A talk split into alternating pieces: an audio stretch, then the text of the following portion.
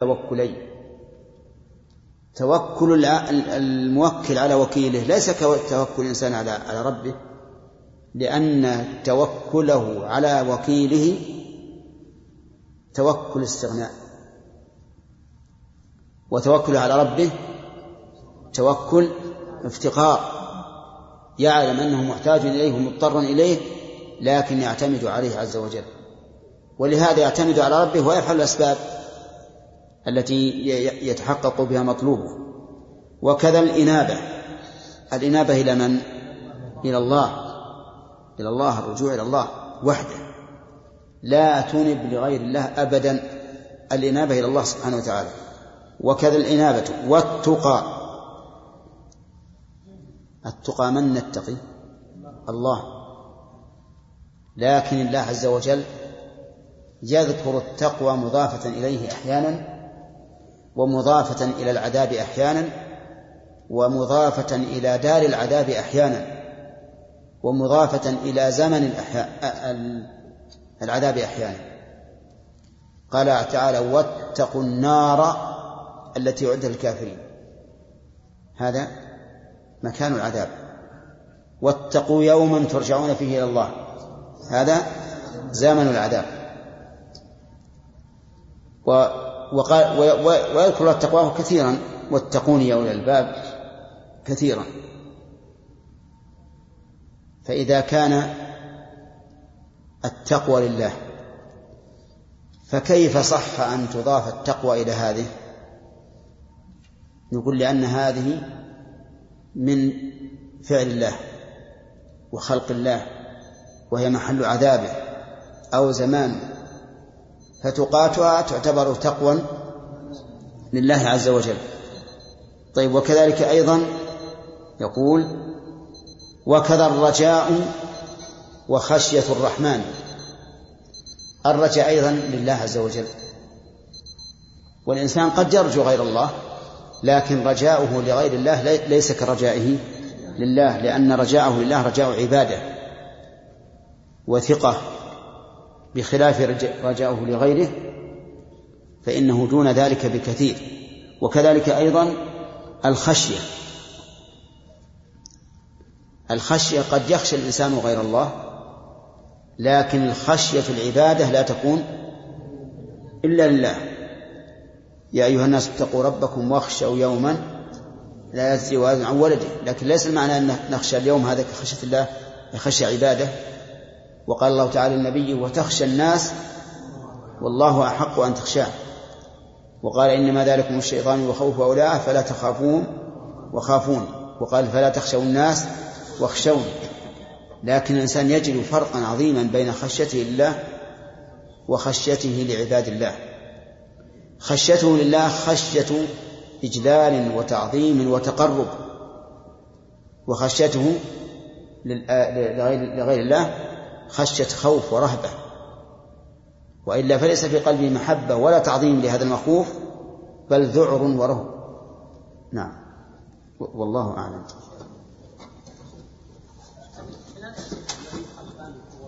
إيش؟ إيش؟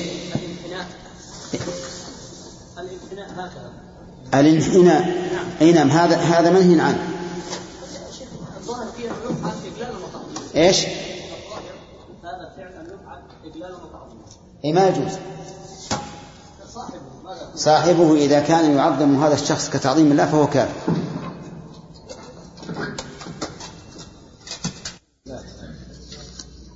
كيف؟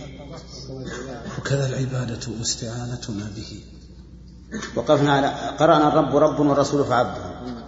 وقرأنا التوكل والإنابة والتقى والرجاء وخشية الرحمن. وكذا العبادة. بسم الله الرحمن الرحيم. قال المؤلف في بيان الحقوق التي لله وحده والتي للرسول صلى الله عليه وسلم وحده والتي لله وللرسول. قال وكذا العبادة واستعانتنا به أي بالله عز وجل. العبادة خاصة بالله لا نعبد غيره والاستعانة بالله لا نستعين غيره. لكن المراد الاستعانة المطلقة المبنية على الاعتماد المطلق هذه لا تكون إلا بالله. أما الاستعانة بما يستطيعه المستعان في الدنيا فهذه جائزة. فإن النبي عليه الصلاة والسلام قال تعين الرجل في دابته فتحمله عليها أو ترفع له عليها متاعه صدقة. وما زال الناس يستعين بعضهم بعضا. قال الله تعالى وتعاونوا على البر والتقوى. لكن هناك فرق بين الاستعانة بالله التي تكون عبادة واعتمادا كليا على الله وبين استعانة المخلوق الذي ترى أنه بإعانتك مشاركا لك أنه بإعانتك بإعانتك مشارك لك فقط في هذا العمل. فقول المؤلف العبادة واستعانتنا به أضافها إلى استعانتنا بالله وهي استعانة خاصة غير استعانتنا بالمخلوق. إياك نعبد ذان توحيدان. إياك نعبد في القرآن وإياك نستعين في القرآن. فنوحد الله بالعبادة ونوحده بالاستعانة. أما العبادة فمطلقا. أما الاستعانة فإننا نستعين المخلوق فيما يقدر عليه. لكن استعانتنا بالمخلوق ليست كاستعانتنا بالخالق.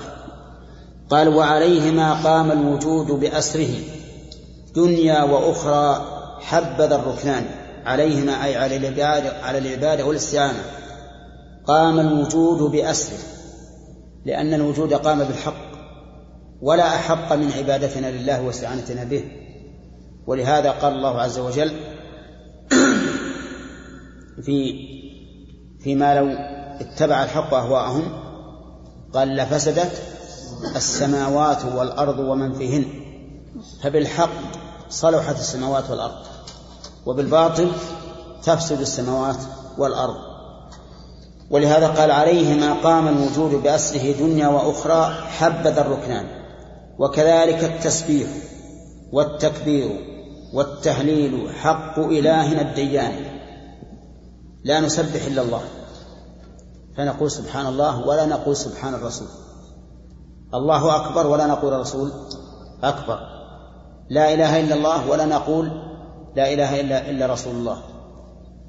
هذا حق الديان لكنما التعزير والتوقير حق للرسول بمقتضى القرآن. قال الله تعالى إنا أرسلناك شاهدا ومبشرا ونذيرا لتؤمنوا بالله ورسوله وتعزروه وتوقروه وتسبحوه بكرة وأصيلا لتؤمنوا بالله ورسوله وتعزروه الها تعود على الرسول. وتوقروه على الرسول. وتسبحوه على الله عز وجل. لأن الحقين الأولين من من حقوق الرسول والثالث من حق الله عز وجل. قال لكنما التعزير والتوقير حق للرسول بمقتضى القرآن والحب والإيمان والتصديق لا يختص لا بالرسول ولا بالله بل هو مشترك بل حقان مشتركان. الحب والإيمان والتصديق لله وللرسول. كل منهما فرض علينا محبته والإيمان به وتصديقه ولكن لاحظوا أن محبتنا للرسول صلى الله عليه وسلم فرع عن محبتنا لله. لولا أنه رسول الله لم يجب علينا محبته ولا الإيمان به ولا تصديقه فمحبتنا له وإيماننا به وتصديقنا إياه فرع عن محبة الله. خلافا للغلاة بالرسول الذين يرون أن محبة الله والإيمان به والتصديق فرع عن محبة الرسول. حتى إننا سمعنا من بعضهم من يقول إن زيارة المدينة أفضل من حج مكة. لأنهم يرون أن الرسول عند يرون أن الرسول أعظم حقا من الله نعوذ بالله. نعم. قال حق الإله عبادة بالأمر لا بهوى النفس نعم. هذه تفاصيل الحقوق ثلاثة. لا تجهلوها يا أولي العدوان. فالحقوق إذا ثلاثة. خاص بالله خاص بالرسول مشترك. نعم. بسم الله الرحمن الرحيم. حق الإله عبادة بالأمر لا بهوى النفوس فذاك للشيطان. من غير إشراك به شيئا هما سببا. من غير إشراك به شيئا هما سبب النجاة فحبذا السببان. ورسوله فهو المطاع وقوله المقبول إذ هو صاحب البرهان. والأمر منه الحتم لا تخير فيه عند ذي عقل وذي إيمان. من قال قولا غيره قمنا على أقواله بالصبر والميزان. إذ وافقت قول الرسول وحكمه فعلى الرؤوس تشال كالتيجان. أو خالفت هذا رددناها على من قالها من كان من إنسان أو أشكلت عنا إيه؟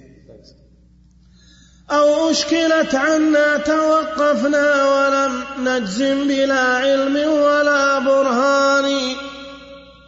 هذا الذي أدى إليه علمنا وبه ندين الله كل أوان يقول مالك رحمه الله حق العبادة حق الإله عبادة بالأمر لا بهوى النفوس فذاك للشيطان.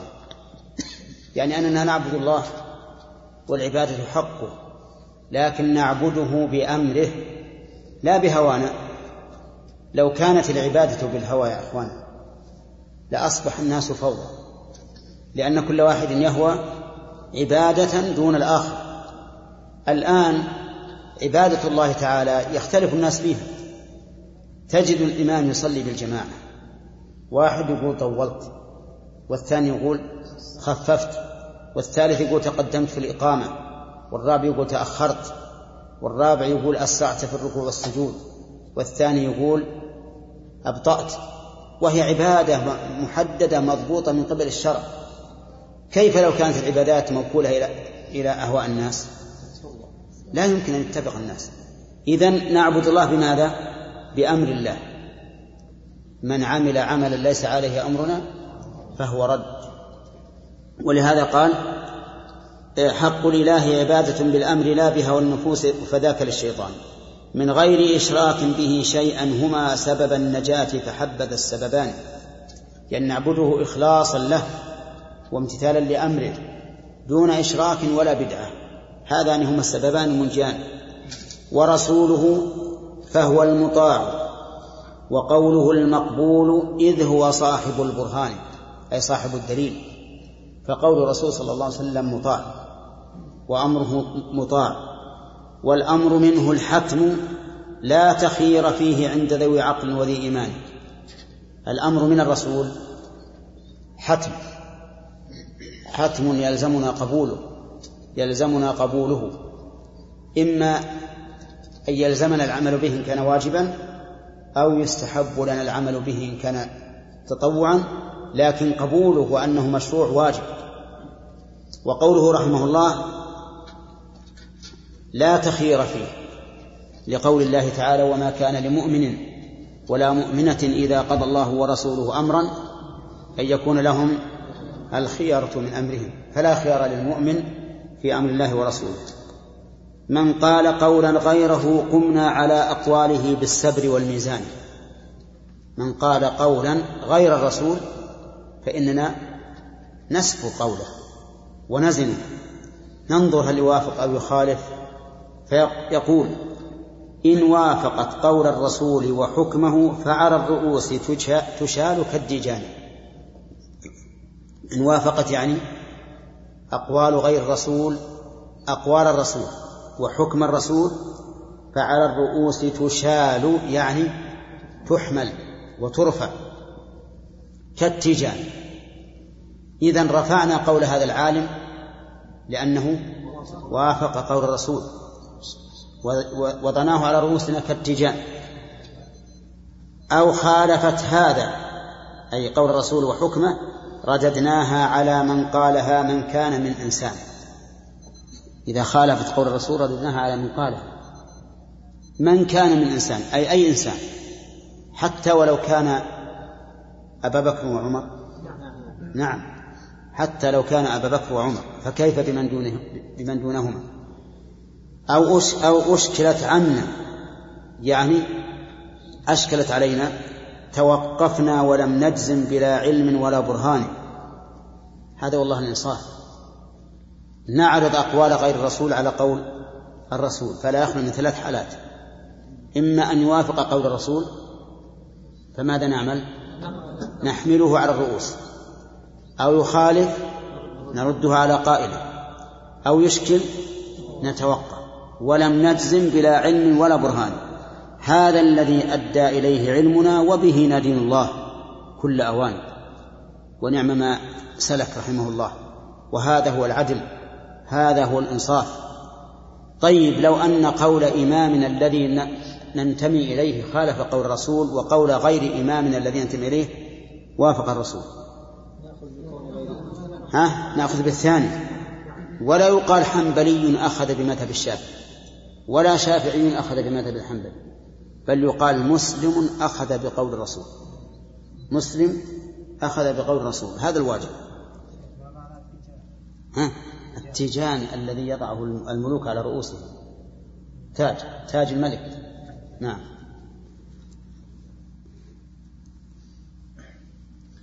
فهو المطاع وأمره العالي على أمر الورى وأمر. فهو المطاع وأمره العالي على أمر الورى وأوامر السلطان. وهو المقدم في محبتنا على الأهلين والأزواج والولدان.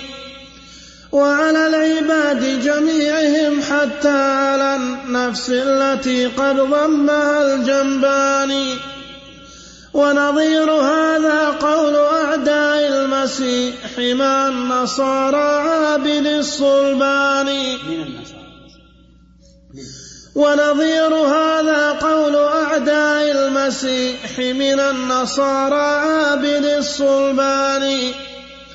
إنا ترقصنا المسيح بقولنا عبد وذلك غاية النقصان لو قلتم ولد إله خالق وفيتموه حقه بوزان وكذاك أشباه النصارى قد غلوا في دينهم لا عندنا قد. نص على الأقل خلوها نص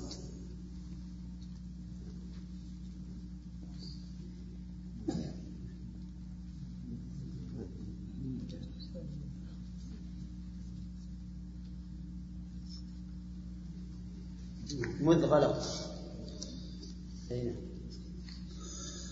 صاروا معادين الرسول وديننا في صورة الأحباب والإخوان.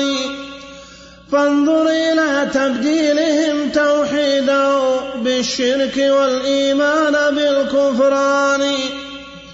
وانظر إلى تجريده التوحيد من أسباب كل الشرك بالرحمن.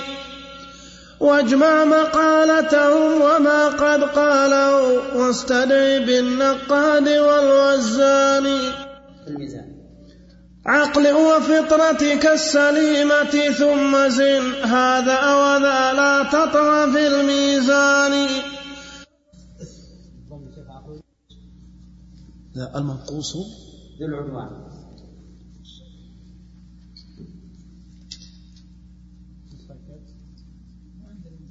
فهناك تعلم أي حزبين هو المتنقص المنقوص ذو العدوان. رامي البريء بذا رامي البريء بدائه ومصابه فعل مباهت أو قح البحر رامي البريء بدائه ومصابه فعل مباهت أو قح الحيوان. كمعير للناس بالزغل الذي هو ضربه فاعجب لذي البهتان. يا فرقة التنقيص بل يا أمة الدعوة بلا علم ولا عرفان. والله ما قدمتم يوما مقالته على التقليد للإنسان. في هذه القطعة يقول المؤلف رحمه الله تعالى فهو المطاع يعني النبي يعني النبي صلى الله عليه وسلم وأمره العالي على أمر الورى وأوامر السلطان. يعني هذا الواجب علينا أن نجعل أمره عاليا على أمر كل الورى بل وعلى أوامر السلطان. والسلطان أوامره مطاعة بنص القرآن.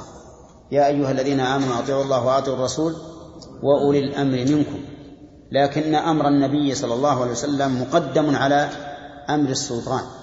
فإذا تعارض أمر الرسول صلى الله عليه وسلم وأوامر السلطان قدم أمر الرسول. وهو المقدم في محبتنا على الأهلين والأزواج والولدان. نعم. يجب أن نقدم محبة الرسول صلى الله عليه وسلم على محبة أهلينا وأزواجنا وأولادنا. بل على العباد جميعهم حتى على النفس التي قد ضمها الجنبان نقدم محبته على أنفسنا. وعلامة ذلك أنك تتصور لو تعارض قوله وقول زوجتك. تقدم قوله. قوله وقول قوله وقول أبيك. تقدم قول الرسول. قوله تعارض قوله وما تهوه نفسك قوله. هذا من علامة المحبة. تقديم قوله من علامة المحبة عليه الصلاة والسلام.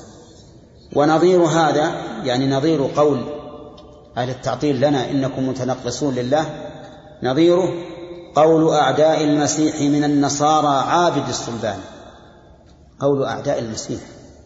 أعداء المسيح. كيف أعداء أعداءه يقدسونه يقولون إنه إله إنه ابن الله. كيف أعداء تلك هي الأعداء إذن أولياء المسيح من؟ المسلمون. هم أولياء. الذين نزلوه منزلته التي يرضاها هو بنفسه عليه الصلاة والسلام. أما النصارى فهم أعداء المسيح. لو أن المسيح خرج لقاتلهم. ولهذا إذا نزل يوم في آخر الزمان ماذا يفعل؟ يكسر الصليب ويقتل الخنزير. ولا يقبل إلا الإسلام. لا يقبل إلا الإسلام فقط. نعم. لأن النصارى أعداء له. ولهذا قال المؤلف ونظير هذا قول أعداء المسيح من النصارى عابد الصلباني إنا قولهم إنا تنقصنا المسيح بقولنا عبد وذلك غاية النقصان. يقول أنتم أيها المسلمون تنقصتم المسيح. قلتم إنه عبد ورسول. وهو حقيقة إله ورب. فأنتم تنقصتموه. وقوله وذلك غاية النقصان الظاهر أنه من تتمة كلام النصارى. يعني حيث جعلتموه عبدا فهذا نقصان له. لو قلتم ولد إله خالق وفيتموه حقه بوزانه. صدقوا أو كذبوا؟ كذبوا. والله ما صدقوا. لو قلنا إنه عبد ورسول حينئذ وفيناه حقه أما لو قلنا إنه إله وولد وخالق فإننا لم نوفي حقه بل أعطيناه ما لا يستحق. نعم. وكذاك أشباه النصارى مذ غلوا في دينهم بالجهل والطغيان أو إيش؟ قد غلوا. قالوا صاروا معادين الرسول صاروا معادين الرسول وديننا في سورة الأحباب والإخوان. نعم. يعادون الرسول على أنهم أحبابه وإخوانه مثل الذين غالوا بالرسول عليه الصلاة والسلام وقالوا إنه يعلم الغيب ويجيب الدعوة وما أشبه ذلك مما قالوه في الرسول وهم يعرضون أنفسهم معرض إيش؟ الأحباب. ونحن نحن الذين نحب الرسول. أنتم لا تحبونه. لأنكم لا تقولون فيه ما نقول. فانظر إلى تبديلهم توحيده بالشرك والإيمان بالكفران. انظر أيها العاقل إلى تبديلهم أي هؤلاء المشبهين للنصارى توحيد الله بالشرك. وتبديلهم الإيمان بالكفران. وانظر إلى تجريده إلى تجريده التوحيد. تجريد من؟ الرسول صلى الله عليه وسلم. جرد التوحيد من أسباب كل الشرك بالرحمن. حتى إن رجلا قال له ما شاء الله وشئت فقال أجعلتني لله ندا ويروى أن رجلا جاءه وقال يا رسول الله إننا نستشفع بالله عليك وبك على الله. فقال النبي صلى الله عليه وسلم سبحان الله سبحان الله سبحان الله وجعل يسبح حتى عرف ذلك في وجوه أصحابه لأنه قال نستشفع بالله عليك. فجعل الله شفيعا إلى الرسول عليه الصلاة والسلام. شأن الله أعظم من ذلك. لا يستشفع بالله على أحد من خلقه أبدا بل يستشفع بالخلق على الله إذا كان يوم القيامة. نعم. طيب انظر وانظر إلى تجريده التوحيد من أسباب كل الشرك بالرحمن واسمع مقالته. وما قد قاله. مقالة من؟ أشباه النصارى. وما قد قاله يعني الرسول. واستدعي بالنقاد والوزان. أو بالنقاد والوزان. والفرق. نعم. أي وش قلنا؟ لا واجمع. واجمع مقالتهم وما قد قاله اجمعهما جميعا. واستدعي بالنقاد والوزان. جمع ناقد ووازن. أو بالنقاد والوزان صيغة مبالغة. للمفرد الواحد. استدعي به. ما ما هما؟ قال عقل وفطرتك السليمة. اعرض قول هؤلاء وقول الرسول على العقل والفطرة السليمة. وانظر ماذا يحكم به العقل والفطرة. قال عقل وفطرتك السليمة ثم زن هذا وهذا. يعني زن أقوالهم وأقوال الرسول صلى الله عليه وسلم لا تطغى في الميزان. يعني زن زينة عدل. فهناك تعلم أي حزبينا هو المتنقص المنقوص ذو العدوان. وما الذي يؤديه علمنا إليه؟ أنهم هم أصحاب التنقص وهم المنقوصون.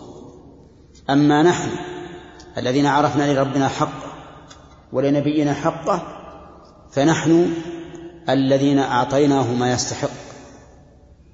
وأعطينا الرب عز وجل ما يستحق سبحانه وتعالى.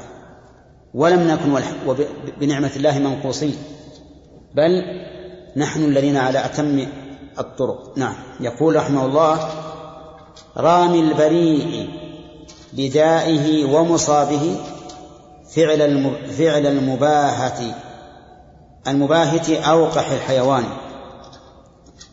يعني أن هؤلاء رموا البرأ بإيش؟ بدائهم ومصابهم.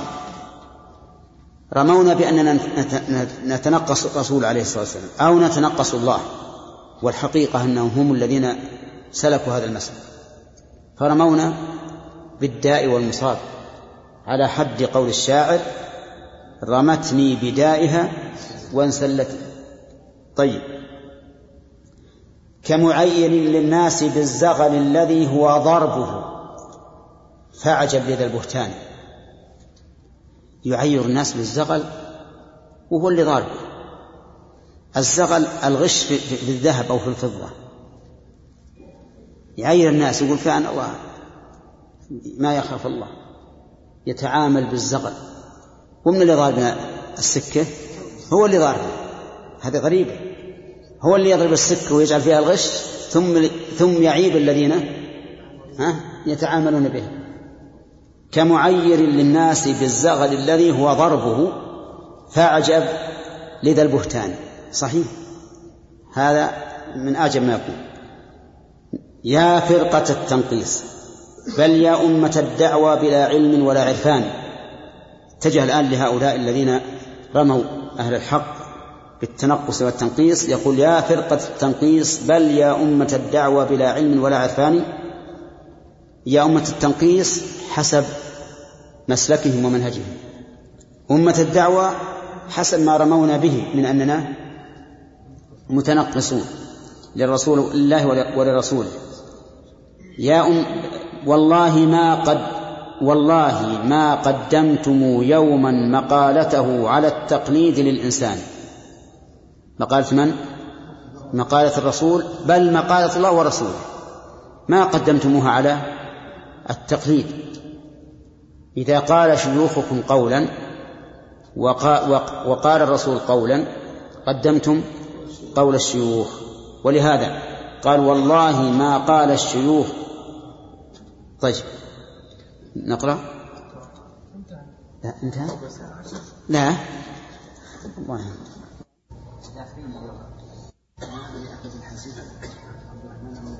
ها؟ لا لا خلاص يقول قلت موجود في القرآن ولا حاجة. نعم. بسم الله الرحمن الرحيم.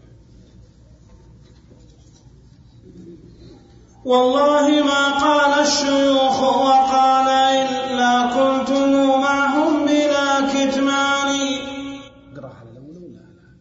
اقرأ مرتين والله أغلاط الشيوخ لديكم عين الصواب ومقتضى البرهان. وكذا قضيتم بال أقرأ قريتها من الأول إيه، طيب. على كل حال الآن نشرح لأن بينهما تضاد. والله أغلاط الشيوخ لديكم أولى من المعصوم بالبرهان. هذا نقوله نحن. نقول إن أغلاط نعم. نشوف. والله أغلاط الشيوخ لديكم أولى من المعصوم بالبرهان يعني أن أغلاط الشيوخ عندكم وإن كانت خلطا أولى من من قول المعصوم بالبرهان. فتقدمون أقوال الشيوخ وتجعلونها ولو كانت غلطا تجعلونها أولى من قول المعصوم بالبرهان. على النسخة الثانية والله أغلاط الشيوخ لديكم ليست غلطا بل هي إيش؟ عين الصواب ومقتضى البرهان أي مقتضى الدليل. فصار أيهما أشد؟ أن يجعلوا أغلاط الشيوخ أولى من قول المعصوم أو أن يجعلوا أغلاط الشيوخ صوابا؟ الأول أولى. الأول أولى نعم. وكذا قضيتم بالذي حكمت به جهلا على الأخبار والقرآن. والله إنه لديكم مثل معصوم وهذا غاية الطغيان. تبا لكم ماذا التنقص بعد ذا؟ لو تعرفون العدل من نقصان. والله ما يرضيه جعلكم ترسل لشرككم وللعدوان.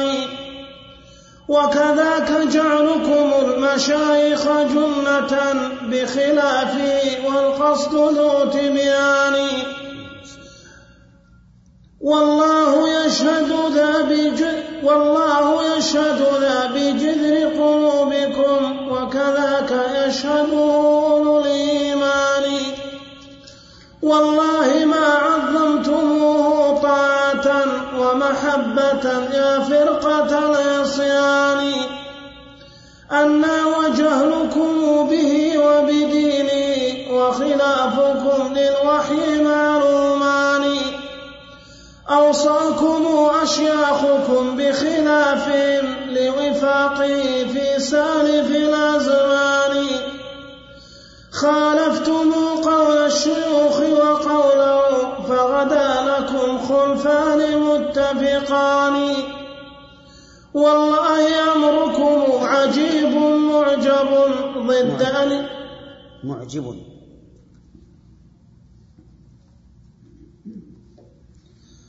والله أمركم عجيب معجب ضد ألفيكم ليس يتفقان. يقول مالك رحمه الله تعالى في هذه القطعة والله ما قال الشيوخ وقال إلا كنتم معهم بلا كتمان. يعني والله ما قال الشيوخ قولا وقال النبي صلى الله عليه وسلم قولا إلا كنتم معهم. مع من؟ مع الشيوخ. تقدمون قولهم على قول الرسول صلى الله عليه وسلم. والله أغلاط الشيوخ لديكم أولى من المعصوم بالبرهان. يعني أن أقوال الشيوخ وإن كانت غلطا أولى عندكم من أقوال المعصوم بالبرهان وهو النبي صلى الله عليه وسلم. هذا على النسخة النسخة الثانية والله أغلاط الشيوخ لديكم وعين الصواب ومقتضى البرهان. يعني أنكم ترون أن أغلاط الشيوخ صواب وهذا في الحقيقة من عمل البصيرة والعياذ بالله. الذي يظن الغلط صوابا. قل هل ننبئكم بالأخسرين أعمالا الذين ضل سعيهم في الحياة الدنيا وهم يحسبون أنهم يحسنون صنعا. وهذا والعياذ بالله من تلبيس الحق. وكل إنسان لا يريد الحق فالغالب أن يعمى عنه وأن لا يوفق له. لقول الله تعالى فلما زاغوا أزاغ الله قلوبهم. فعليك فعليك يا عبد الله بقصد الحق حتى توفق له. لا يكن همك أن تنصر ما قلت. اجعل همك أن تنصر الحق. إن كنت قلته تظن أنه الحق فتبين لك أنه غير حق فاعدل عنه. وإن كنت قلته تظن أنه الحق وما زال عندك هو الحق فاستمسك به. ولا تخالفه لقول أحد. واعلم أنك إذا قصدت الحق وفقت له. ولقد يسرنا القرآن للذكر فهل من مدكر. وكذا قضيتم بالذي حكمت به جهلا على الأخبار والقرآن. ها؟ لا وكذا عندك يمكن نسخة. وكذا قضيتم بالذي حكمت به جهلا على الأخبار والقرآن. قضيتم بالذي حكمت به الفاعل من؟ الأشياخ يعني قضيتم بما حكم به الأشياخ على من؟ على الأخبار والقرآن فما حكمت به الأشياخ على الأخبار والقرآن قضيتم به وإن كان ذلك جهلا لأن كل إنسان يحكم على القرآن بما يخالف القرآن فهو جاهل والله إنهم لديكم مثل معصوم وهذا غاية غاية الطغيان. إنهم الضمير يعود على من؟ الأشياخ مثل المعصوم مثل الرسول عليه الصلاة والسلام. بل هو على كلام المؤلف هم أعلى من المعصوم. يقدمون أقوالهم على قوله تبا لكم ماذا التنقص بعد ذا لو تعرفون العدل من نقصان تبا أي خسارة لكم. ماذا التنقص بعد هذا. أين هل يمكن أن يوجد تنقص وراء ذلك؟ أن تقدموا قول أشياخكم على قول الرسول أبدا. هذا غاية التنقيص للرسول صلى الله عليه وسلم. والله ما يرضيه جعلكم له ترسا. لشرككم وللعدوان. ما يرضي الرسول أن تجعلوه ترسا لكم فتقولوا نحن, نحن أحبابه وهو حبيبنا وهو قدوتنا وهو إمامنا وأنتم تشركون به. بالغلو بالغلو ودعائه والاستغاثة به. فهؤلاء جمعوا بين الشرك بالرسول وبين تنقص أقواله. طيب. يقول وكذاك جعلكم المشايخ المشايخ جنة بخلافه. يجعلون المشايخ جنة أي وقاية أمام من؟ أمام الناس. إذا قيل لهم القرآن والسنة يقولان كذا وكذا قليل لكن هذا قال الشيخ الشيخ الفلاني. يجعلونهم جنة. بخلاف خلافه أي بمخالفة الرسول والقصد ذو تبيان.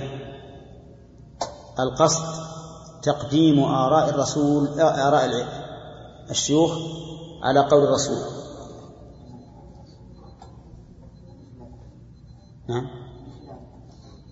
لخلافه إيه. طيب. يعني لاختلاف معه أو بخلاف. الظاهر يصح الوجهان والله يشهد ذا بجذر قلوبكم أي بأصلها. وكذاك يشهده أولو الإيمان. يعني أن الله يشهد بقصدكم ويعلمه. يشهد بما في قلوبكم بما في أصلها. والجذر بمعنى الأصل. والله ما عظمتموه طاعة ومحبة يا فرقة العصيان. وإنما عظموه مداهنة وتترسا بهذا التعظيم. أمام من؟ أمام العامة. فهم يعظمونه من وجه لكن تعظيما لا يرضاه بالغلو ويتنقصونه من وجه وذلك بتقديم كلام الشيوخ على كلامه. أنا وجهلكم به وبدينه وخلافكم للوحي معلومان. يعني كيف تكونون معظمين له؟ وجهلكم به وبدينه معلوم وخلافكم لوحيه معلوم. أنا وجهلكم به وبدينه وخلافكم للوحي معلومان. أوصاكم أشياخكم بخلافهم لوفاقهم في سالف الأزمان. المراد بأشياخهم هنا الأئمة أوصوهم بخلافهم لوفاقه. يعني إذا خالفنا الرسول فخذوا بما يوافق الرسول. وهو يعني بذلك أئمة الهدى أئمة الهدى هو يعني بذلك أئمة الهدى. فالشافعي رحمه الله يقول إذا رأيتم قولي يخالف قول الرسول فخذوا بقول الرسول واضربوا بقول أعظ الحال ومالك يقول كل يؤخذ من قوله ويترك إلا صاحب هذا القبر يعني الرسول صلى الله عليه وسلم. والإمام أحمد كذلك له في هذا كلام كثير له في هذا كلام كثير حتى أنه يحذر عن تقليد الرجال. وأبو حنيفة كذلك يقول أوصاكم أشياخكم نعم خالفتم أوصاكم أشياخكم بخلافهم أي بمخالفتهم لوفاقه وفاق من؟ ها؟ الرسول صلى الله عليه وسلم لوفاقه في سالف الأزمان خالفتم قول الشيوخ وقوله يعني لم تأخذوا بوصيته فقدمتم قول الشيوخ على قوله و وخالفتم قوله فغدا لكم خلفان متفقان. ما هما؟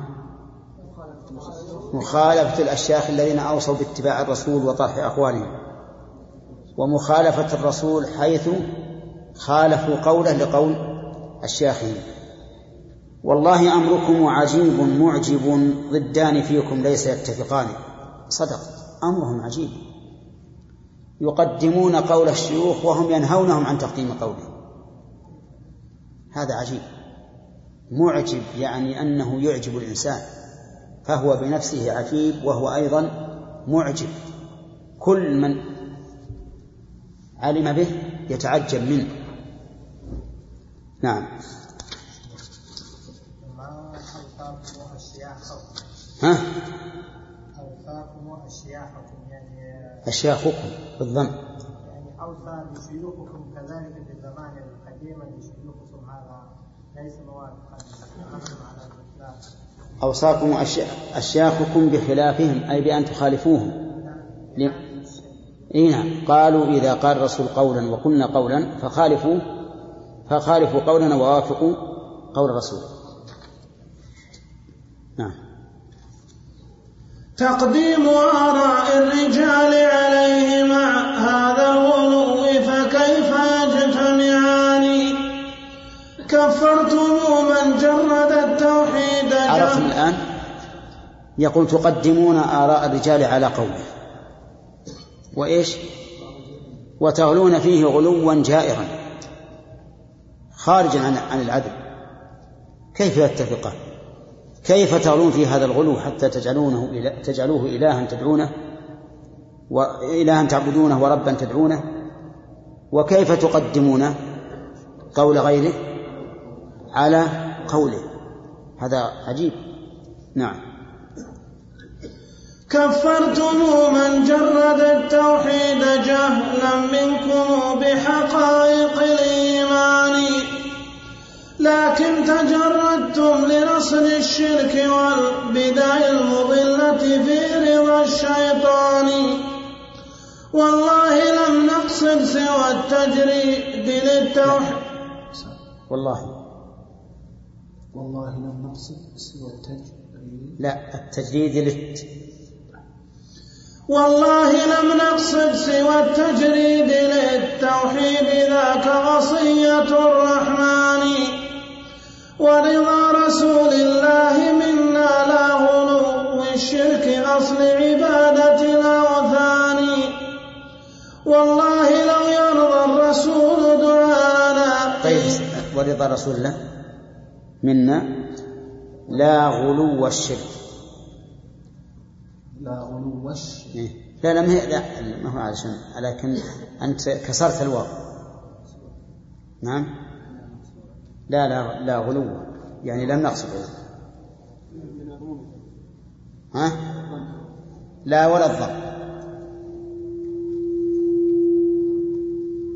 ورضا رسول الله منا لا غلو والشرك ورضا رسول الله منا لا غلو والشرك. أصل عبادة الأوثان والله الرسول الظاهر دعاء الأصل أصح. الظاهر الأصل أصح. نعم. أصل. صفة الغلو. لأن الغلو هو أصل العبادة. أصل عبادة الأصنام الغلو. نعم. ورضا رسول الله منا لا غلو والشرك أصل عبادة الأوثان والله لو يرضى الرسول دعانا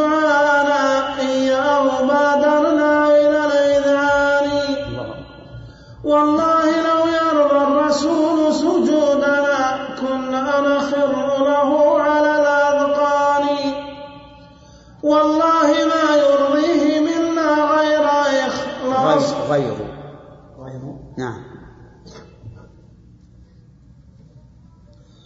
والله ما يرضيه منا غير إخلاص وتحكيم من القرآن.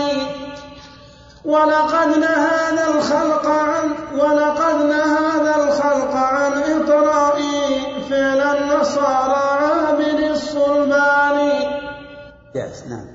ولقد نهانا أن نصير قبره عيدا حذار الشرك بالرحمن ودعا بأن لا يجعل القبر الذي قد ذمه وثنا من الأوثان.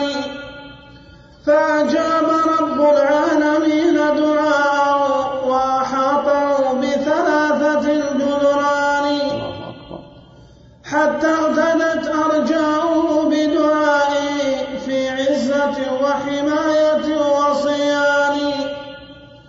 ولقد غدا عند الوفاة مصرحا باللعن يصرخ فيهم بأذان.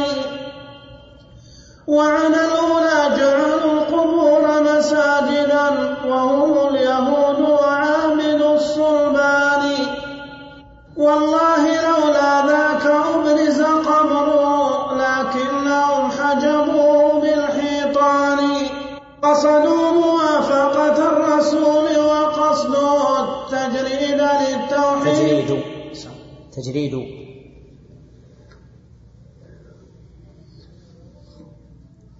قصدوا موافقة الرسول وقصده التجريد للتوحيد للرحمن. يا فرقة جهلت نصوص نبيهم وقصد وقصوده يا فرقة جهلت نصوص نبيهم وقصوده وحقيقة الإيمان. فسطوا على أتباعه وجنوده بالبغي والعدوان والبهتان. لا تعجلوا وتبينوا وتثبتوا فمصابكم ما فيه من حيران. من جبران. من جبران. لا لا من جبران. بس. لا. نعم اقرأ البيت. لا تعجلوا وتبينوا وتثبتوا فمصابكم ما فيه من جبران. يقول مالك رحمه الله في هؤلاء الذين قدموا آراء الرجال على قول الرسول صلى الله عليه وسلم مع غلوهم فيه. يقول تقديم آراء الرجال عليه مع هذا الغلو فكيف يجتمعان؟ لأنه لو كان مح لو كانت محبتهم صادقة وغلوهم صحيحا لم يقدموا عليه على قوله قول أحد من الناس كفرتم من جرد التوحيد جهلا منكم بحقائق الإيمان. يعني أنهم كفروا من جرد التوحيد لله. وقالوا إنكم إذا لم تفعلوا مثل فعلنا في الرسول فأنتم كفار تبغضون الرسول صلى الله عليه وسلم.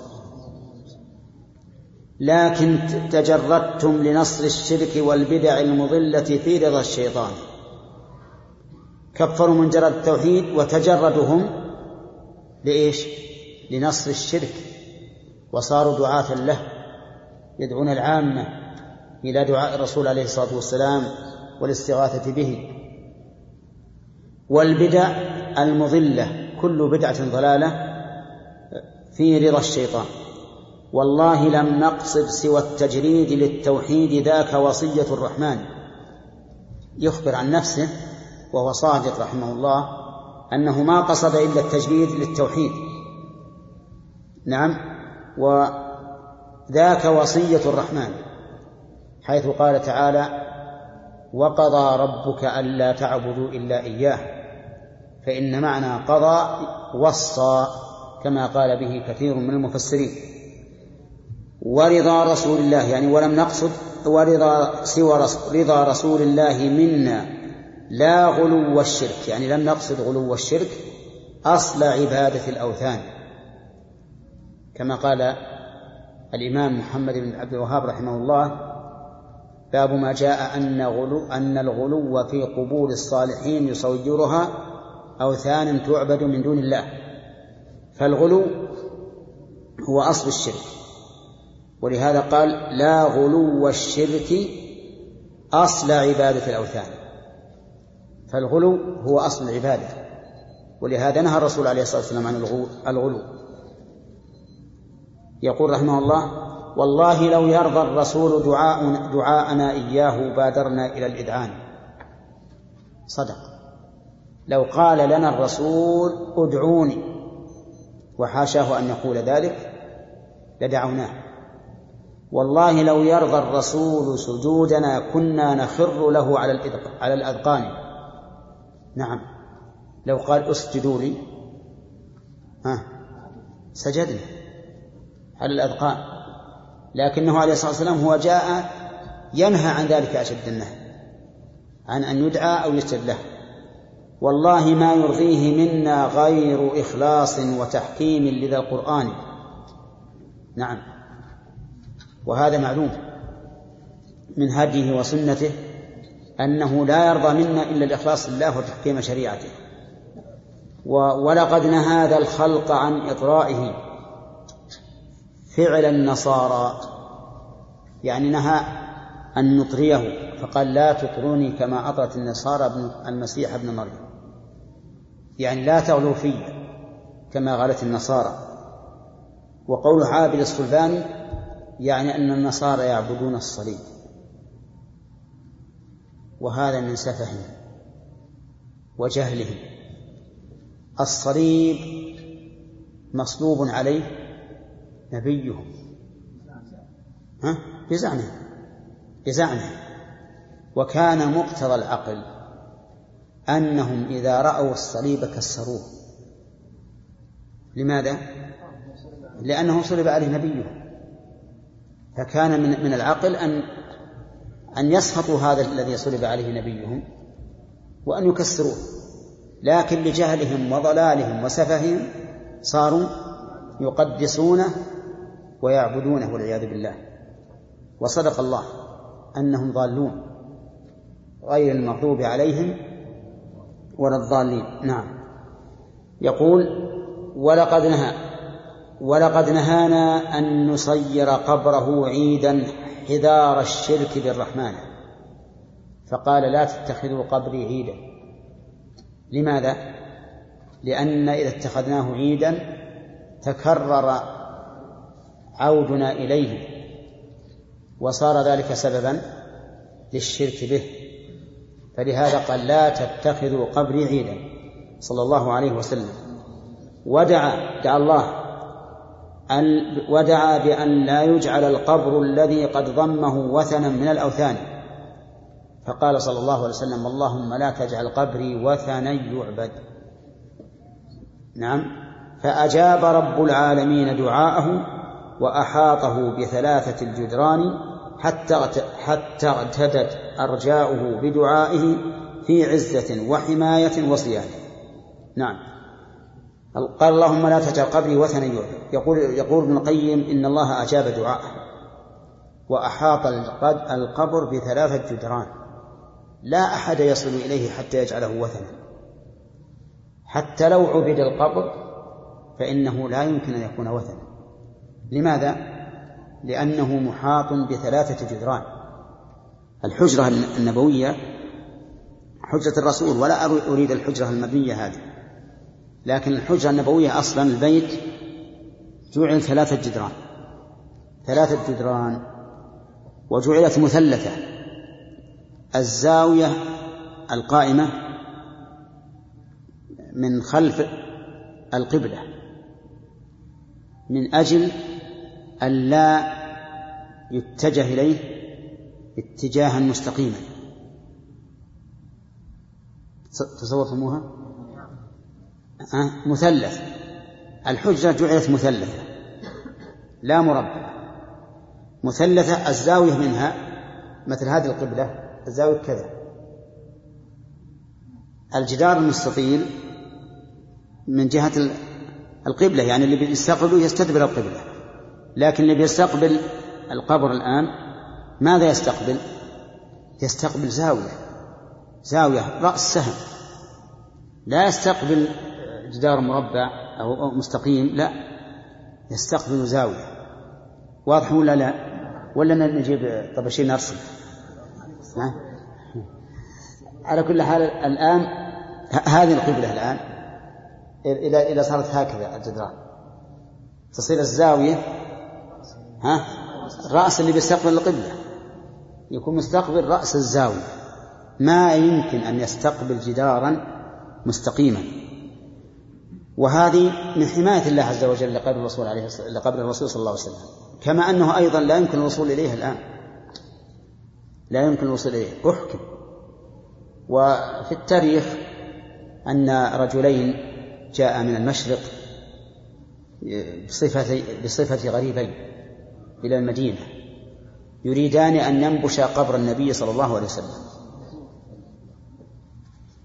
فجيء إلى الملك في ذلك الوقت وأوري في المنام أن رجلين جاء إلى المدينة من أجل أن ينبش قبر النبي عليه الصلاة والسلام ويأخذ جسده الشريف. لأن جسده الشريف لم تأكله الأرض. ففزع.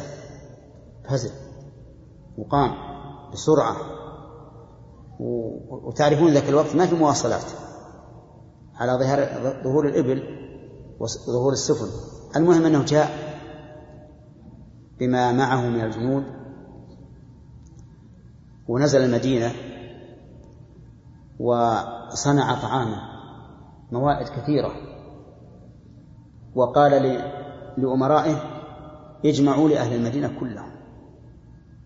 فبدأوا يجمعونه يأتون بأناس ويأتون بأناس وهو واقف ينظر لأنه قد أري في المنام وجوه الرجلين. كل ما جاء طائفة نظر فيها ولكنه ما ما يرى الرجلين حتى قالوا له إن أهل المدينة انتهوا. كل اللي في المدينة جنابهم. قال لا ما يصير. قالوا ما فيه إلا رجلان غريبان. في بيت حول المسجد. نعم. فقال يعني قال في قرارة نفسه والله أعلم.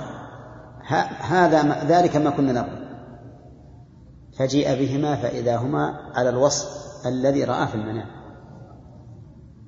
فسألهما وحقق معهما فإذا هما قد حفرا خندقا في الأرض.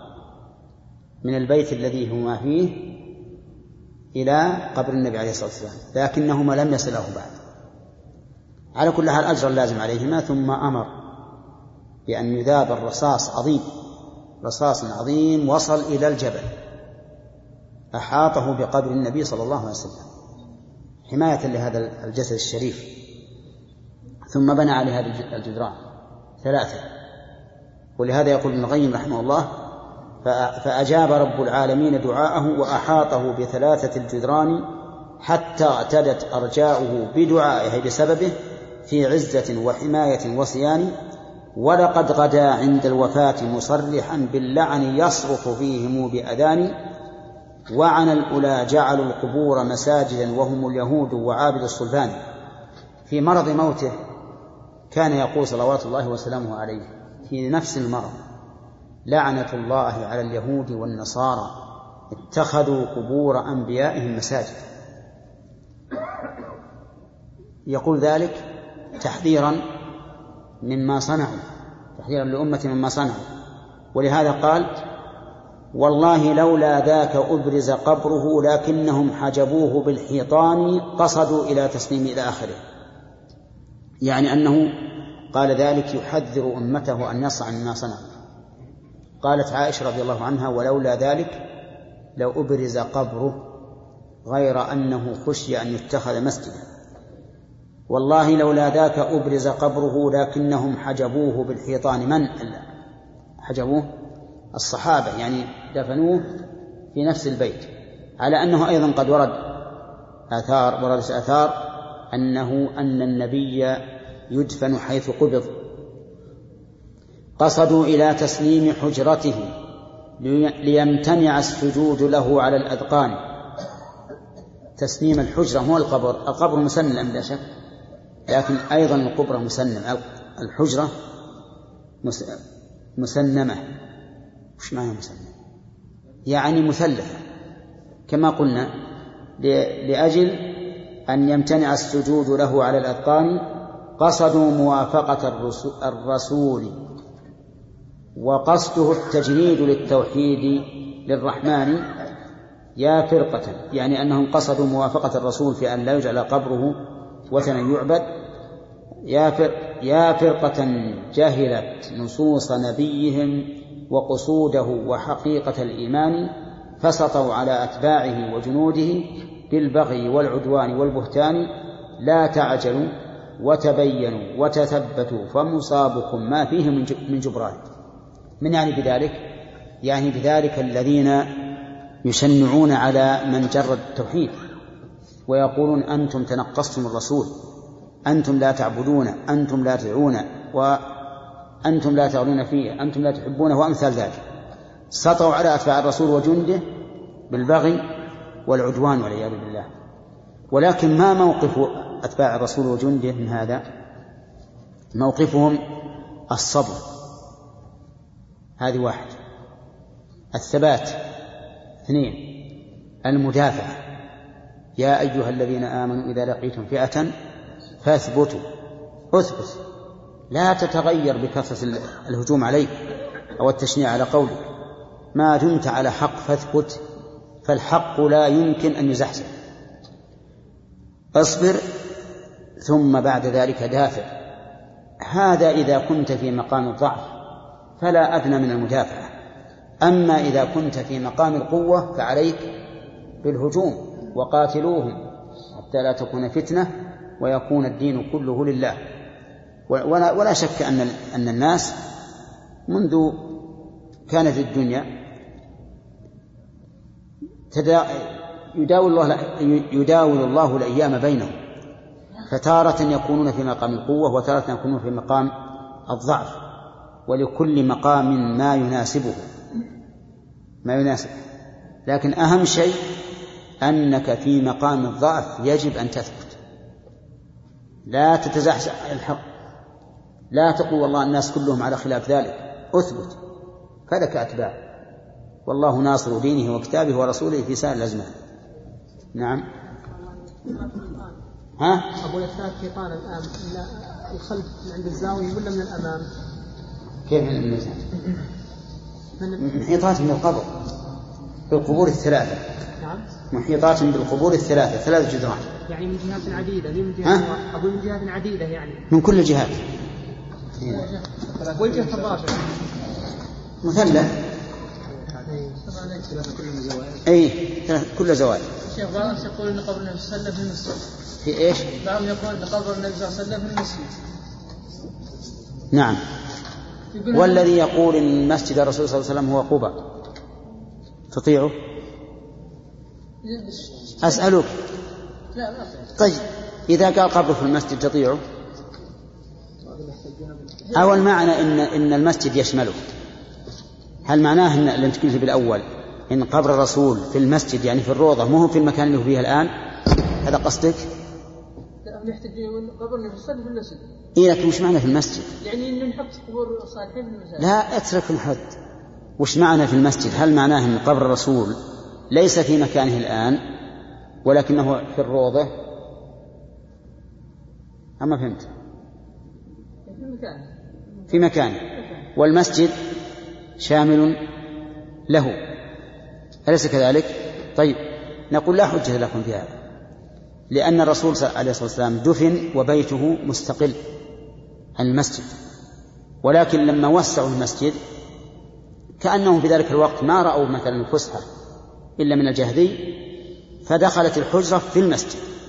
فهي حجرة في مسجد وليس قبرا في مسجد عرفت؟ يحتجون بالقبة أيضا يا شيخ. القبة عاد عسى الله يسهل هدنا يحتجون به.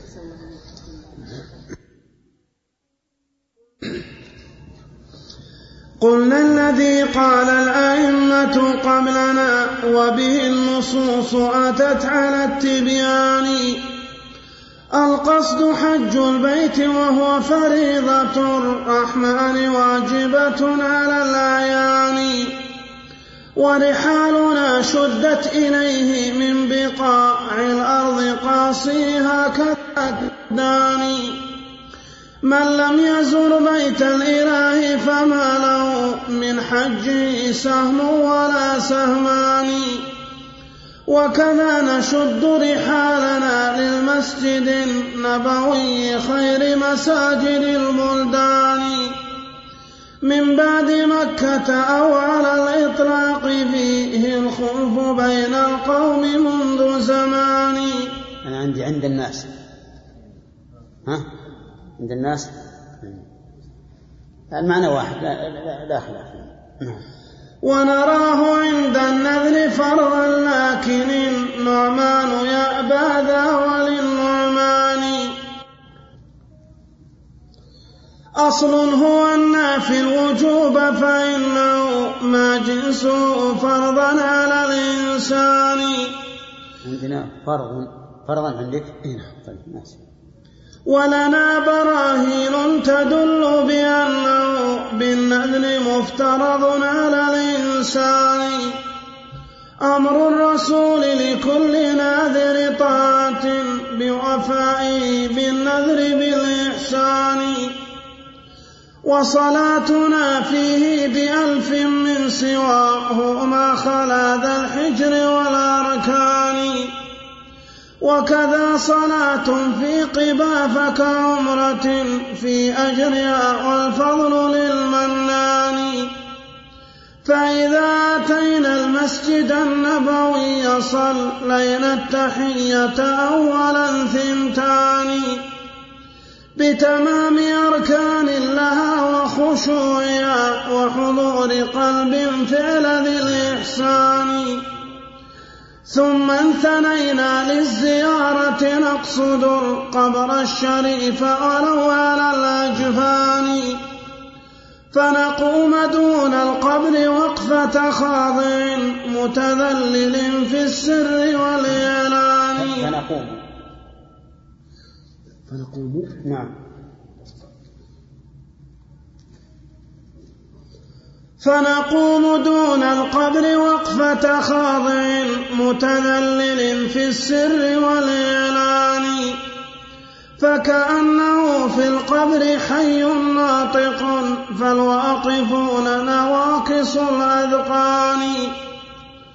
ملكتهم ملكتهم تلك المهابة فاعترت تلك القوائم كثرة الرجفان. وتفجرت تلك العيون بمائها ولطالما غاضت على الأزمان.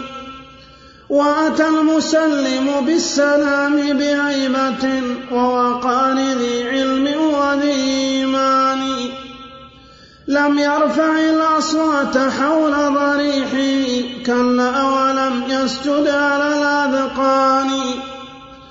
كلا ولم ير طائفا في القبر إصبعا. بالقبر.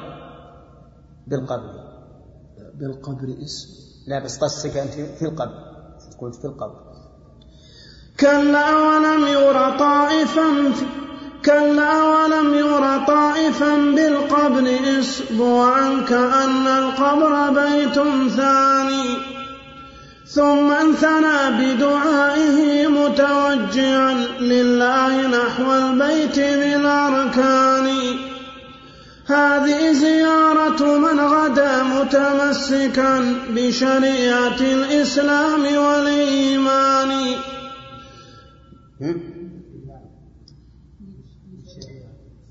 بالشريعة.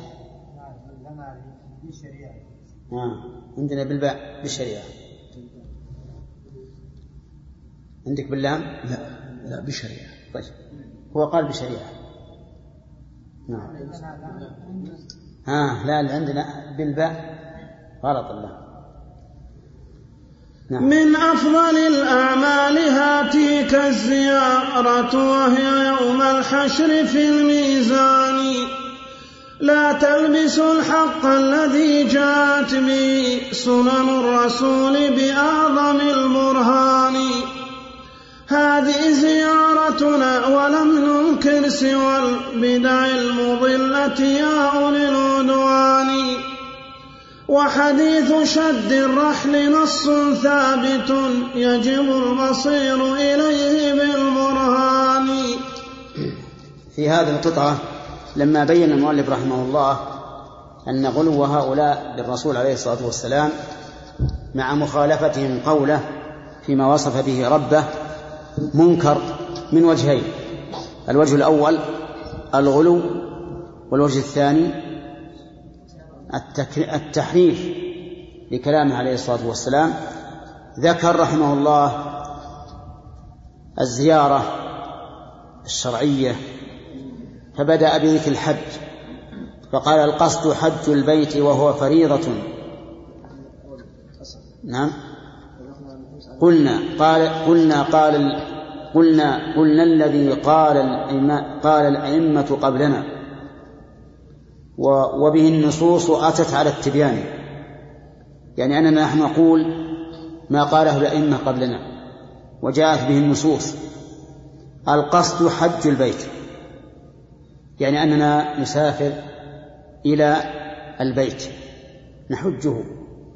بخلاف هؤلاء الذين يغلون في من يزعمونهم أولياء فإنهم يحجون إليهم ويرون أن الحج إلى قبورهم أفضل من الحج إلى بيت الله عز وجل. فجعلوا قبور الأموات أفضل فجعلوا قصد قبور الأموات أفضل من قصد بيت رب السماوات. نعوذ بالله. يقول فالقصد حج البيت وهو فريضة الرحمن واجبة على الأعيان. وهذا معروف أن الحج أحد أركان الإسلام. من ورحالنا شدت إليه من بقاع الأرض قاصيها كذا كذا كذاك الداني. قال الله تعالى وأنذر في الناس بالحج يأتوك رجالا وعلى كل ضامر يأتين من كل فج عميق. فالناس يأتون إلى هذا البيت من أقاصي الأرض ودنيها من لم يزر بيت الإله فما له من حجه سهم ولا سهمان. يعني أن من لم يطف بالبيت فليس له حج لأن الطو- الطواف بالبيت ركن من أركان الحج وهو طواف الزيارة. قال الله تعالى ثم ليقضوا تفثهم وليوفوا نذورهم وليطوفوا بالبيت العتيق. فمن حج ولم يزر يزر البيت ويطوف به فلا حج له حتى لو وقف بعرفة وبمزدلفة ورمى الجمار فإنه لا حج له. ولهذا قال من لم يزر بيت الإله فما له من حجه سهم ولا سهمان. وكذاك وكذا نشد رحالنا للمسجد النبوي خير مساجد البلدان من بعد مكة. نشد رحل إلى مسجد الرسول صلى الله عليه وسلم. لأن النبي صلى الله عليه وسلم أذن فيه فقال بل رغب فيه فقال لا تشد الرحال إلا إلى ثلاثة مساجد المسجد الحرام ومسجد هذا والمسجد الأقصى. يقول خير مساجد البلدان من بعد مكة أو على الإطلاق فيه الخلف عند الناس منذ زمان. يعني هل هو أفضل من مكة أو مكة أفضل؟ ولا شك أن مكة أفضل. أما الصلاة في البيت فإنه بالنص عن النبي عليه الصلاة والسلام حيث قال صلاة في مسجد هذا أفضل من ألف صلاة فيما سواه إلا مسجد الكعبة. هكذا في صحيح مسلم. وكذلك في الصحيحين من حديث أبي هريرة أن النبي صلى الله عليه وسلم قال صلاة في مسجد هذا خير من ألف صلاة فيما عداه إلا المسجد الحرام. لكن هل مكة أفضل أو المدينة؟ هذا محل الخلاف. والصواب بلا شك أن مكة أفضل أفضل من المدينة. نعم. يقول ونراه فيه الخلف عند ونراه عند النذر فرضا. نراه يعني شد الرحل إلى مسجد المدينة إلى مسجد النبوي نراه فرضا عند النذر. لكن النعمان أبى يأبى لكن النعمان يأبى ذا وللنعمان أصل. النعمان هو أبو حنيفة رحمه الله. يرى أن الإنسان إذا نذر شد الرحل إلى مسجد المدينة فإنه لا يلزمه الوفاء به. لا يلزمه الوفاء به. لماذا؟ بناء على أصل. ما هو الأصل؟ أصل هو النافي الوجوب فإنه ما جنسه فرضا. على الإنسان. يقول النعمان رحمه الله إنه لا يجب الوفاء بنذر الطاعة إلا إذا كان جنسه فرضا. فنذر الصلاة يجب الوفاء به لأن جنسه فرض. نذر الصدقة ليش؟ جنس الزكاة نذر الحج يجب الوفاء به لأن جنسه فرض. نذر الصوم يجب الوفاء به لأن جنسه فرض. نذر شد الرحل إلى مسجد المدينة المسجد النبوي ليس بفرض عند أبي حنيفة لأنه ليس له جنس مفروض. ما في فرض أنه يشد الرحل إلى مسجد المسجد النبوي. ولكن ولنا براهين تدل بأنه بالنذر مفترض على الإنسان. لنا براهين يعني أدلة تدل على أن شد الرحل لزيارة المسجد النبوي يكون فرضا يكون فرضا على الإنسان إذا نذر. ما هو ما, ما هذه البراهين؟ منها أمر الرسول لكل ناذر طاعة بوفائه بالنذر بالإحسان. قال النبي صلى الله عليه وسلم من نذر أن يطيع الله فليطعه. وهذا أمر. ولا شك أن شد الرحل إلى مسجد إلى المسجد النبوي طاعة. وإذا كان طاعة دخل في عموم قوله من نذر أن يطيع الله فليطعه ثم قال وصلاتنا فيه بألف في سواه ما خلا ذا الحجر والأركان. صلاة صلاتنا فيه بألف في سواه. ولكن الأولى أن نقول خير من ألف صلاة كما قال النبي عليه الصلاة والسلام.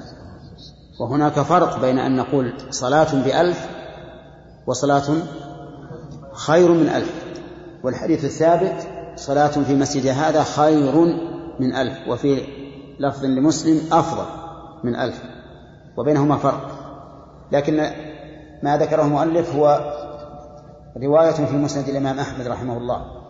بألف في سواه ما خلا ذا الحجر والأركان. يعني مسجد الكعبة. ذا الحجر الحجر معروف وهو القطعة أو الطائفة من الكعبة التي محجر عليها الآن. وهي من الكعبة ولكن ليس كل الحجر من الكعبة. من الكعبة مقدار ستة أذرع وشيء يعني ثلاثة أمتار وربع تقريبا.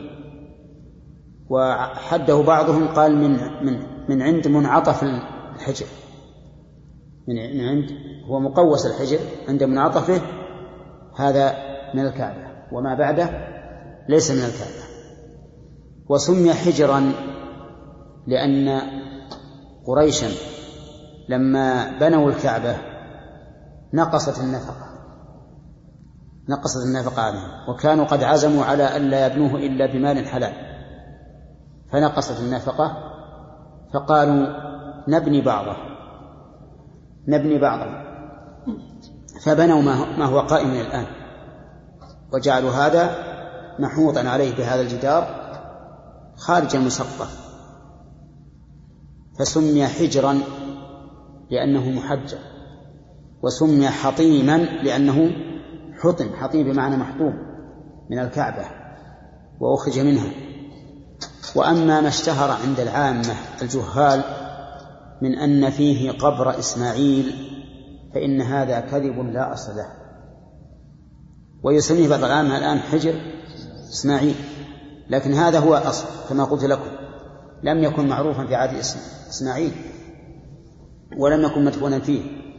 وكانت الكعبة قبل ذلك أوسع من هذا.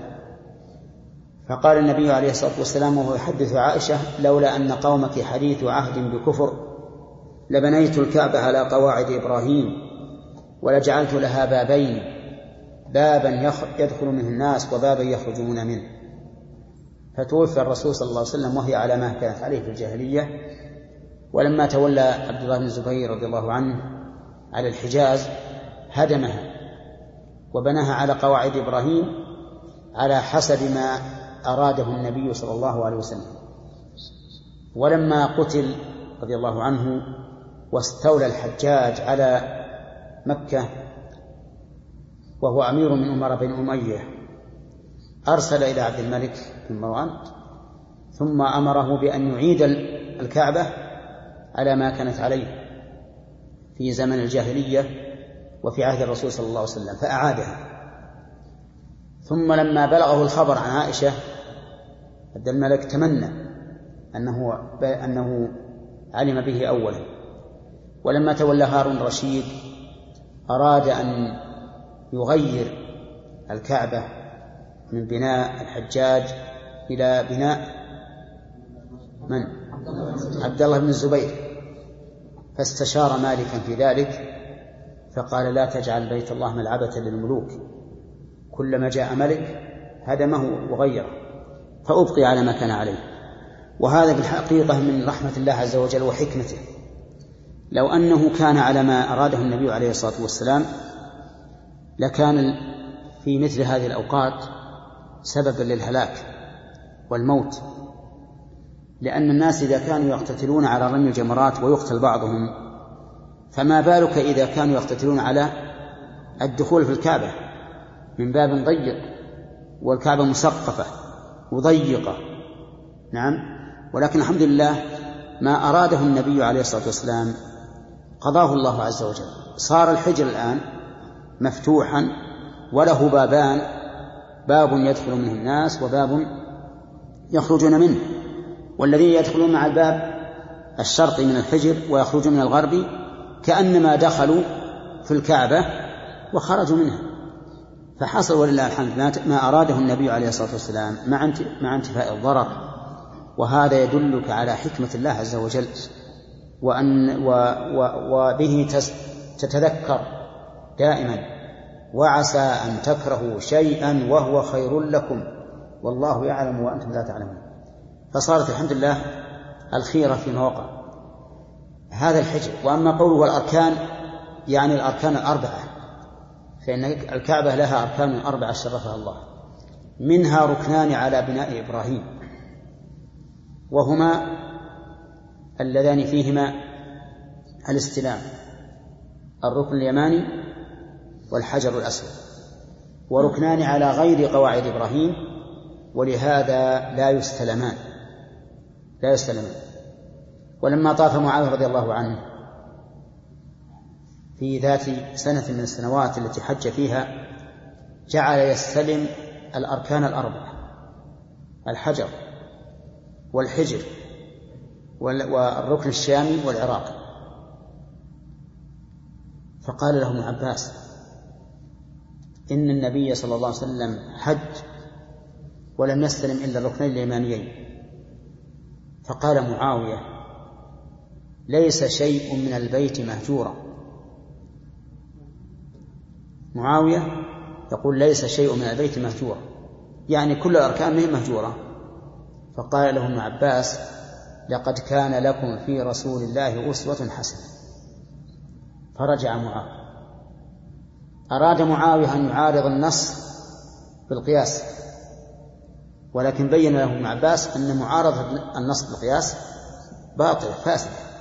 لقد كان لكم في رسول الله أسوة حسنة فإذا كان النبي عليه الصلاة والسلام لم يستلم إلا الركنين اليمانيين فإنه لا يشرع لنا أن نستلم بقية الأركان.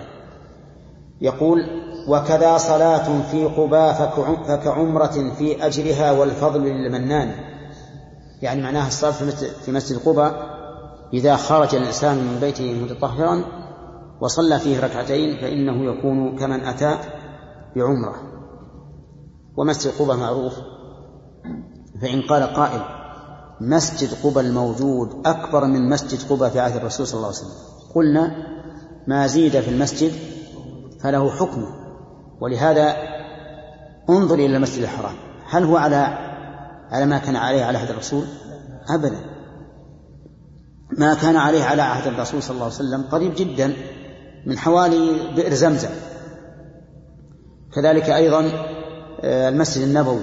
هل هو على ما كان عليه في عهد الرسول؟ لا. زاد فيه عثمان رضي الله عنه. زاد فيه عمر أولا ثم زاد فيه عثمان. والصحابة أجمعوا على أن الزيادة لها حكم المزيد والدليل على إجماعهم أن عثمان رضي الله عنه لما زاد المسجد النبوي من جهة القبلة كان يصلي في محرابه في محراب الزيادة التي زادها. وكان المسلمون يتسابقون إليها ويصلون في الصف الأول. ولو كانت ليس لها حكم مسجد لكانوا يتأخرون إلى المسجد الأول الذي كان الرسول كان على عهد النبي صلى الله عليه وسلم. المهم ما زيد في المسجد فله حكم.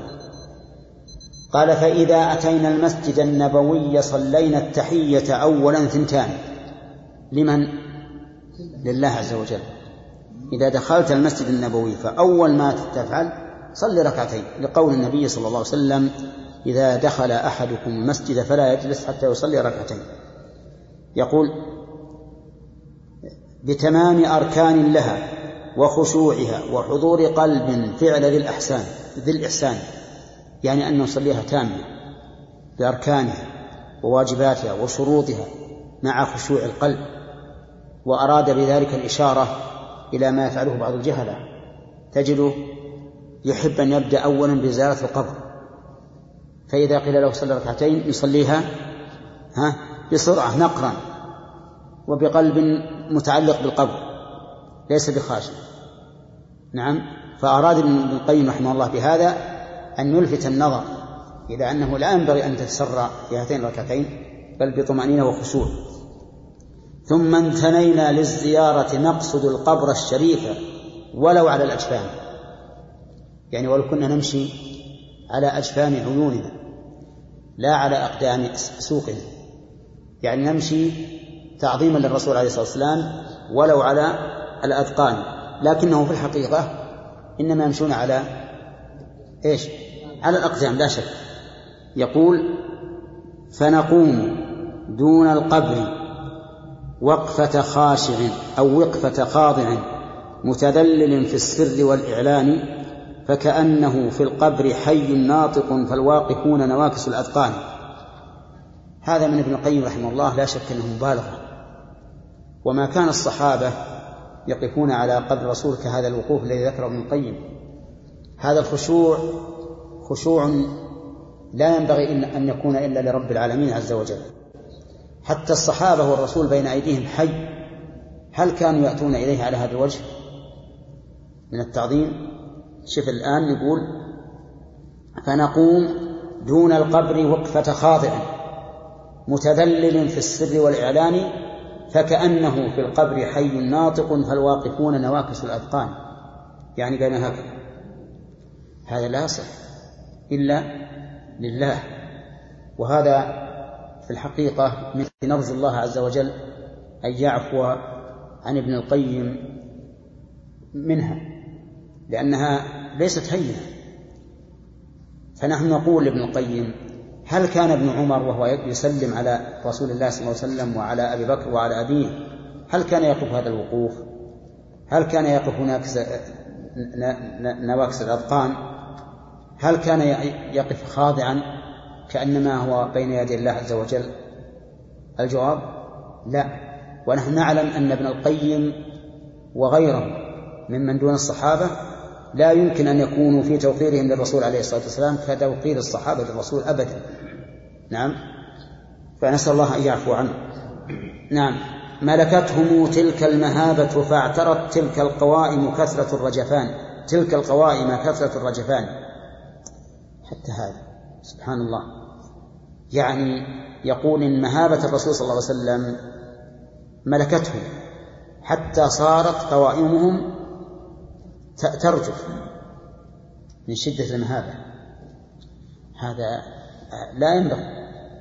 يعني لا ينبغي أن يكون الإنسان يقف أمام قبر الرسول إلى إلى هذا الحد. صحيح أن الرسول أن الإنسان إذا وقف يشعر أن الرسول عليه الصلاة والسلام أرسل الناس كافة وأنه بلغ الرسالة وأدى الأمانة وأنه نصح الأمة وجاهد في الله أما أن يقف هذا الوقوف الذي وصف ابن القيم فكلا والله.